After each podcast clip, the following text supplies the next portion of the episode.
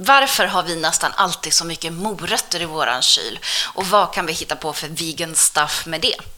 Välkomna till det tredje avsnittet av Mitt växtbaserade kök.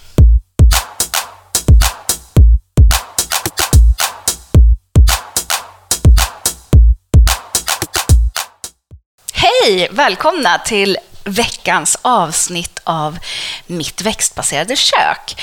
Eh, och idag så är liksom temat är morötter.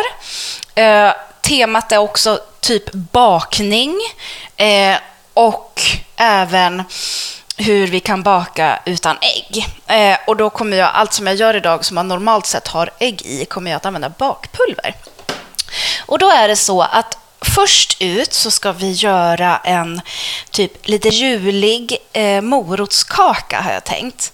För det är så här att vi har en tendens att alltid ha väldigt mycket morötter i vårt kylskåp.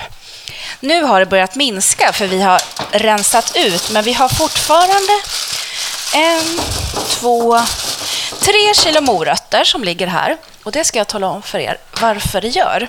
Det är nämligen så att min käre sambo, han har en tendens att när morötterna är exceptionellt billiga så köper han på sig flera kilon, hur mycket som helst, för då ska det nämligen passas på att josas. Men så är det ju så här äh, att det här med juicning och dessa juicemaskiner är liksom lite grann, tycker jag, ett av kökets äh, inte så väldigt äh, samarbetsvänliga maskiner. Det är 48 olika delar till de här juicemaskinerna. Så att jag gör ibland ett lite sådär eh, halvhjärtat försök Eh, och eh, ungefär lika går det för, eh, för David. Eh, så det blir alltid att det ligger en massa morötter kvar i kylen. Men vad gör väl det, när morötter är så fantastiskt att ha i en massa annat? Så idag då kommer det bli en eh, ganska liksom julkryddig morotskaka. Det kommer att bli eh, veganska pannkakor med rivna morötter i. Och så får vi se på slutet. Jag kanske rundar av med att sätta in, eh, och nu kommer liksom lite eh, julgröts, risgrynsgrötshacket, nämligen att köra in den i ugnen. Vad säger ni om det? Morotskakan här nu då, då ska vi se. Vi ska ha 3 deciliter rivna morötter. Och jag har redan rivit. Det är lite tråkigt att lyssna på någon som river morötter. Så jag har i 3 deciliter rivna morötter. Nej, Jo, typ 3 deciliter. Det, här, det är i vart fall tre morötter. Det är ungefär 3 deciliter. Lite mer kanske, men jag tänker att det gör ingenting. Sen så ska vi ha en deciliter havregrädde. Typ matla som matlagningsgrädde. Funkar fint. Det går säkert kanoners att bara ha eh, lite växtmjölk, vad som helst soja, havre, mandel, whatever. Eh, och sen så ska vi även ha i en halv deciliter olja och där är lite grann ett tips faktiskt att baka med eh, olja istället för, ja det där var nästan allt, olja i kakor eller i mjuka kakor för de blir faktiskt ganska mycket mer saftiga helt enkelt. Det var det. Och sen så ska vi ha en, då har jag haft i det blöta där i, i en egen stor skål och nu så ska vi ha i de torra ingredienserna i en. Och då ska vi ha två deciliter vetemjöl. En. Och två. Och så i det här nu så tänker jag att vi tar och blandar i även sockret. Där har vi det. Och vi ska ha två deciliter socker också.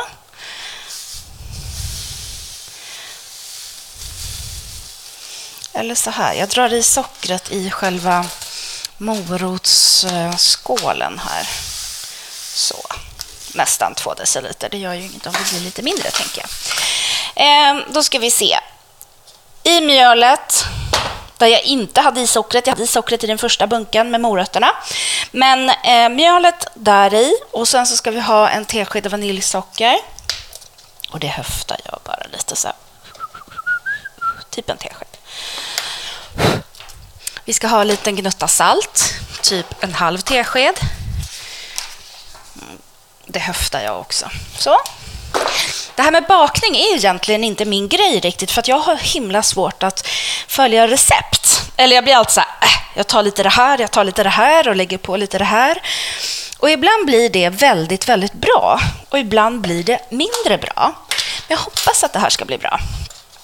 Så, och så har jag i två teskedar bakpulver och det här motsvarar, det här är ju dels för, eh, ja, jag har ju, inget, har ju inga ägg i den här kakan. Så bakpulvret fungerar dels som jäsmedel men också som bindemedel.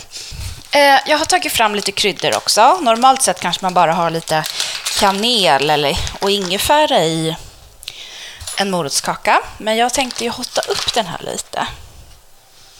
Så. Det kommer liksom bli, jag tror jag tar ett halvt kryddmått av malen eh, nejlika. Eh, det kan bli lite too much annars. Jag vet inte om det är någon annan som känner igen sig, men jag har väldigt svårt för nejlika, eller framförallt hel nejlika. Jag har något sånt här hemskt minne av fullproppade julapelsiner, liksom med hela nejlikor. Och det luktade så otroligt starkt det här. Så att det vart liksom för mycket. Eh, så att det är väldigt vackert att titta på eh, och pynta med, men jag klarar inte eh, dessa nejlikeproppade apelsiner till jul. Så, vi fortsätter. Vi tar två kryddmått kanel. Och så tar vi, nu tar jag liksom säkert lite mer än vad man egentligen ska ha, men det går jättebra. Eh, två kryddmått ingefära. Malen, så. Och två. Och sen så hittade jag lite mm, saffran. Från när, det vet jag inte riktigt, men det var ett öppet paket, så kanske från förra året. Så jag har liksom, bara i en liten, liten kopp så har jag hällt i en skvutt med mm, med rom bara och hällt i saffranet i här så att det ska blandas ordentligt och att liksom själva aromerna verkligen kommer ut ur saffranet. Men det tänker jag hälla, eftersom att det är vätska så häller jag det direkt på i morotsskålen. Så, där. Nu ska vi veva runt lite i så att vi blandar ut mjölet med bakpulvret ordentligt. Så blandar sig. Och vi ska även då vispa ihop här moroten. Så. Alltså, det känns som att jag saknar något. Eh, vad kan det vara? Den kändes liksom inte så väldigt vätskig den här. Jag har aldrig gjort det här receptet. Det här är något helt annat som jag tänkte att jag skulle testa för första gången. Äh, men vi kör! Det är ändå ganska mycket vätska från morötterna så att jag tänker ändå att det här kommer att bli bra. Så pressa inte ur vätskan från morötterna när ni har rivit det, utan det ska liksom... Ja, då, för sjutton. Så, då tar jag bara mjölet, eller mjölblandningen med kryddorna och blandar i i smeten här så ska vi nog se att det blir en fin smet till slut. Ja då, fä sjutton, det här blir kanoners. Eh, jag har satt ugnen på 175 grader. Ehm, och nu tar jag bara lite, lite... Jag hade så pytteknyttelite rapsolja kvar här, men jag häller i rapsolja i en form. Och då har jag en sån här gammal form. Alltså jag vet inte vad den heter, men eh, när sockerkakan blir ganska hög och så är det ett hål i mitten. 175 grader eh, och nu försöker jag verkligen få med allt. Jag tyckte det blev så lite smet, men det är kanske för att jag alltid typ gör dubbelsats och det gjorde jag inte nu. Så. Men det är en ljuvligt fin orange färg. Så 175 grader, jag har varmluft. Vi kör typ en halvtimme. Får vi se. Hålla lite koll.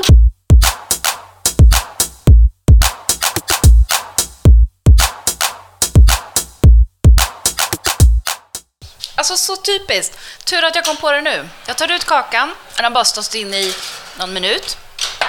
Jag har ju för sjutton också rivit eh, skalet, finrivit skalet, eller zestet på en apelsin faktiskt, som låg och eh, halvdannade sig i, i fruktskålen. Eh, aj, nu hade formen redan hunnit bli varm. Men jag gojsar bara ner. Jag tänker att det här blir ju extra, extra deluxe mega eh, julsmak med även lite apelsin i. Jag hoppas att det här blir riktigt bra. Jag tror det. Så, nu är apelsinzestet i och vi kör in kakan igen. Så.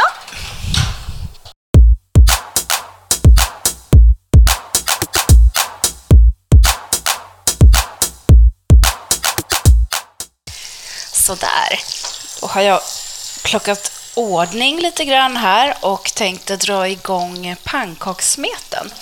Eh, och då ska vi ha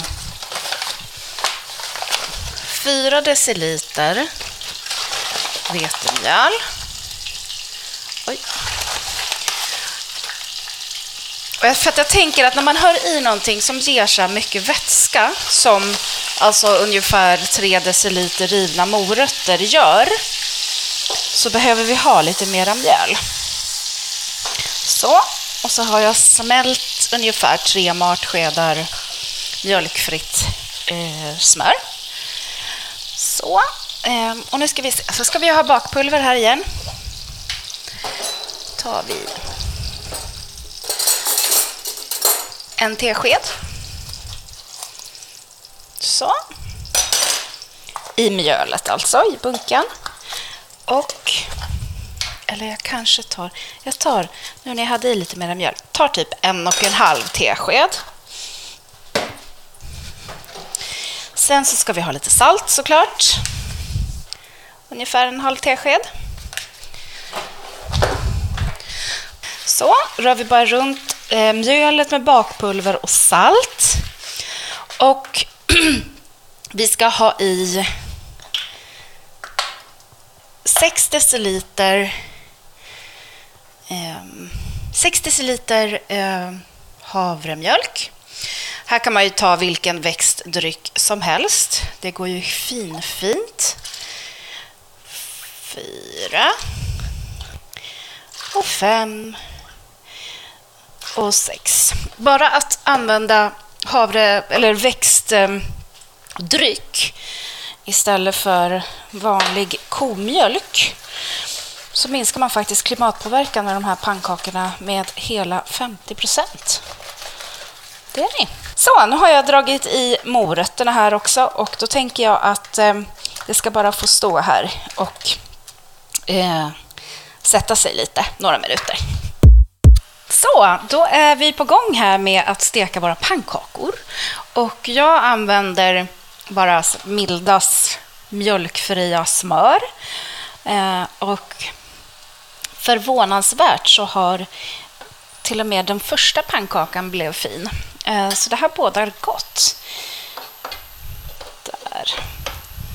Eh, jag tar ungefär, vad kan det vara, en deciliter smet. Något sånt. Räcker rätt bra. Men jag tycker dock att det är viktigt med eh, fettet i pannan. Eh, pannkakorna blir helt enkelt inte särskilt goda utan. Så är det med det. Hörni förresten, julmusten, har ni gått på den än? Det har jag. Startskottet har liksom gått och i vårt hushåll så är det apotekarns som gäller. Nu ska vi se, ska vi vända den här. Um, det går ju inte riktigt att brassa på högsta värmen, tycker jag. Till en början, ja, men sen måste man alltid sänka. Så, de håller ihop fint de här. Pepparkakorna då, har ni börjat med dem? Det har vi också gjort. Änglamarks har vi kört hittills, ekopepparkakor. Eh, de är vegan. Jag tror att de flesta pepparkakor är det, men de här är i vart fall det. Och de är ganska tunna, supergoda är de. Så de kör vi på. Um, Alltså de här pannkakorna med eh, morötterna i, det blir ju nästan lite raggmunk-style fast med morötterna och så får de liksom ändå en fin, lite gul-orange färg. Väldigt piffiga. Men hörni, kakan är också klar. Och den har till och med hunnit svalna. Och, ska vi se, smaka en bit. Mm. Supersaftig. Det är liksom, smakerna går bara runt varandra. Det är moroten, mm, kryddorna, det är saffranen, kanelen, apelsinen. Mm. Hörrni, det här blev en höjdare. Supergod. Jag skulle dock nog behövt ha... Nej, det ser rätt okej ut. Jag tror att den kommer släppa bra. Vi ska se här. Om vi klarade oss utan. Nu kommer det dunka till. Ja då. Så. Pannkaka är ju en eh, poppisrätt för kidsen. Eh, det vet väl kanske de flesta. Eh, och det är också en rätt som när jag jobbade som hem och konsumentkunskapslärare så stekte jag ibland pannkakor med årskurs 6 så att de dels skulle få träna på att steka och så vidare. Men då fick de i vart fall, några fick eh, göra med ägg i och några utan ägg och så jämföra det och lite så. Men det som alltid var succén, eh, för det är inte så svårt som man tror, det var ju nämligen att kasta upp och vända pannkakan i luften. Eh, och såklart så visade ju jag och kastade upp pannkakan i luften. Så blir de flesta lite så här, wow, men det är inte så svårt. Så succén med att steka pannkakor med elever, det är helt enkelt för dem själva sen att få prova att vända pannkakan i luften och du ska se att de lyckas. Det är en stor framgångsfaktor. I vart fall under de pannkakslektionerna. Så med det vill jag liksom bara säga att låt ungarna steka pannkakor och låt ungarna få vända pannkakorna i luften. They gonna like it. Mm. Och så är det ju det här, jag menar nu steker jag ju prima fina pannkakor. Man ser ingen skillnad, man känner ingen skillnad i smaken och jag har varken ägg eller komjölk i pannkakorna. Så varför ska man ha det egentligen? Alltså, sorry, men I don't get the point anymore. Eh, och det där är liksom ett fenomen. Ibland så kan jag bara, men vad sjutton, det är så otroligt onödigt. Att i till exempel, säg att man går och käkar någonstans och så är det, står det att det är ett vegetariskt alternativ och så är det kanske ändå crème fraîche i eller eh, vanlig grädde i eller vad det nu är. Varför bara inte ha det och göra det enkelt så att fler kan äta den här goda maten och bara köra eh, växtbaserat rakt av, om man ändå ska kalla det för vegetariskt. Eh, det är likadant i skolan, tänker jag, att de vegetariska alternativen de innehåller oftast mjölk, smör, ost och så vidare. Och jag kan inte riktigt förstå den här trögheten i att byta ut det helt så att det verkligen ja, men så att det blir helvegetariskt. Fattar inte det. Och jag tycker att det, är liksom, det genomsyrar ganska mycket just nu att det är, ja, men det är lite onödigt helt enkelt. Varför? När vi kan faktiskt göra rätt mycket. Det betyder mycket att byta ut skitgoda pannkakor. Byta ut den vanliga komjölken eller den vanliga eh, osten eller vad det är. Det gör jättemycket, både för miljön och för djuren och för hälsan. Och, ja. Det är liksom dags att börja tänka om nu. Så, pannkakorna, de börjar bli klara. Kakan är klar. Jag hade inte tillräckligt med havremjölk kvar för att göra gröt, så det spar vi till nästa avsnitt, tänker jag. Ehm, och för er som liksom inte kan hålla er så kan ni ju bara googla på risgrynsgröt i ugn. svinbra. Men det jag tänker att vi ska göra nästa gång, och har ni några mer förslag? Jag tänker vi ska liksom spåra in lite grann här nu på det juliga. Så kom gärna med lite input vad ni tycker att jag ska laga nästa gång, förutom eh, växtbaserad risgrynsgröt i ugn. Tack för idag. Hej då!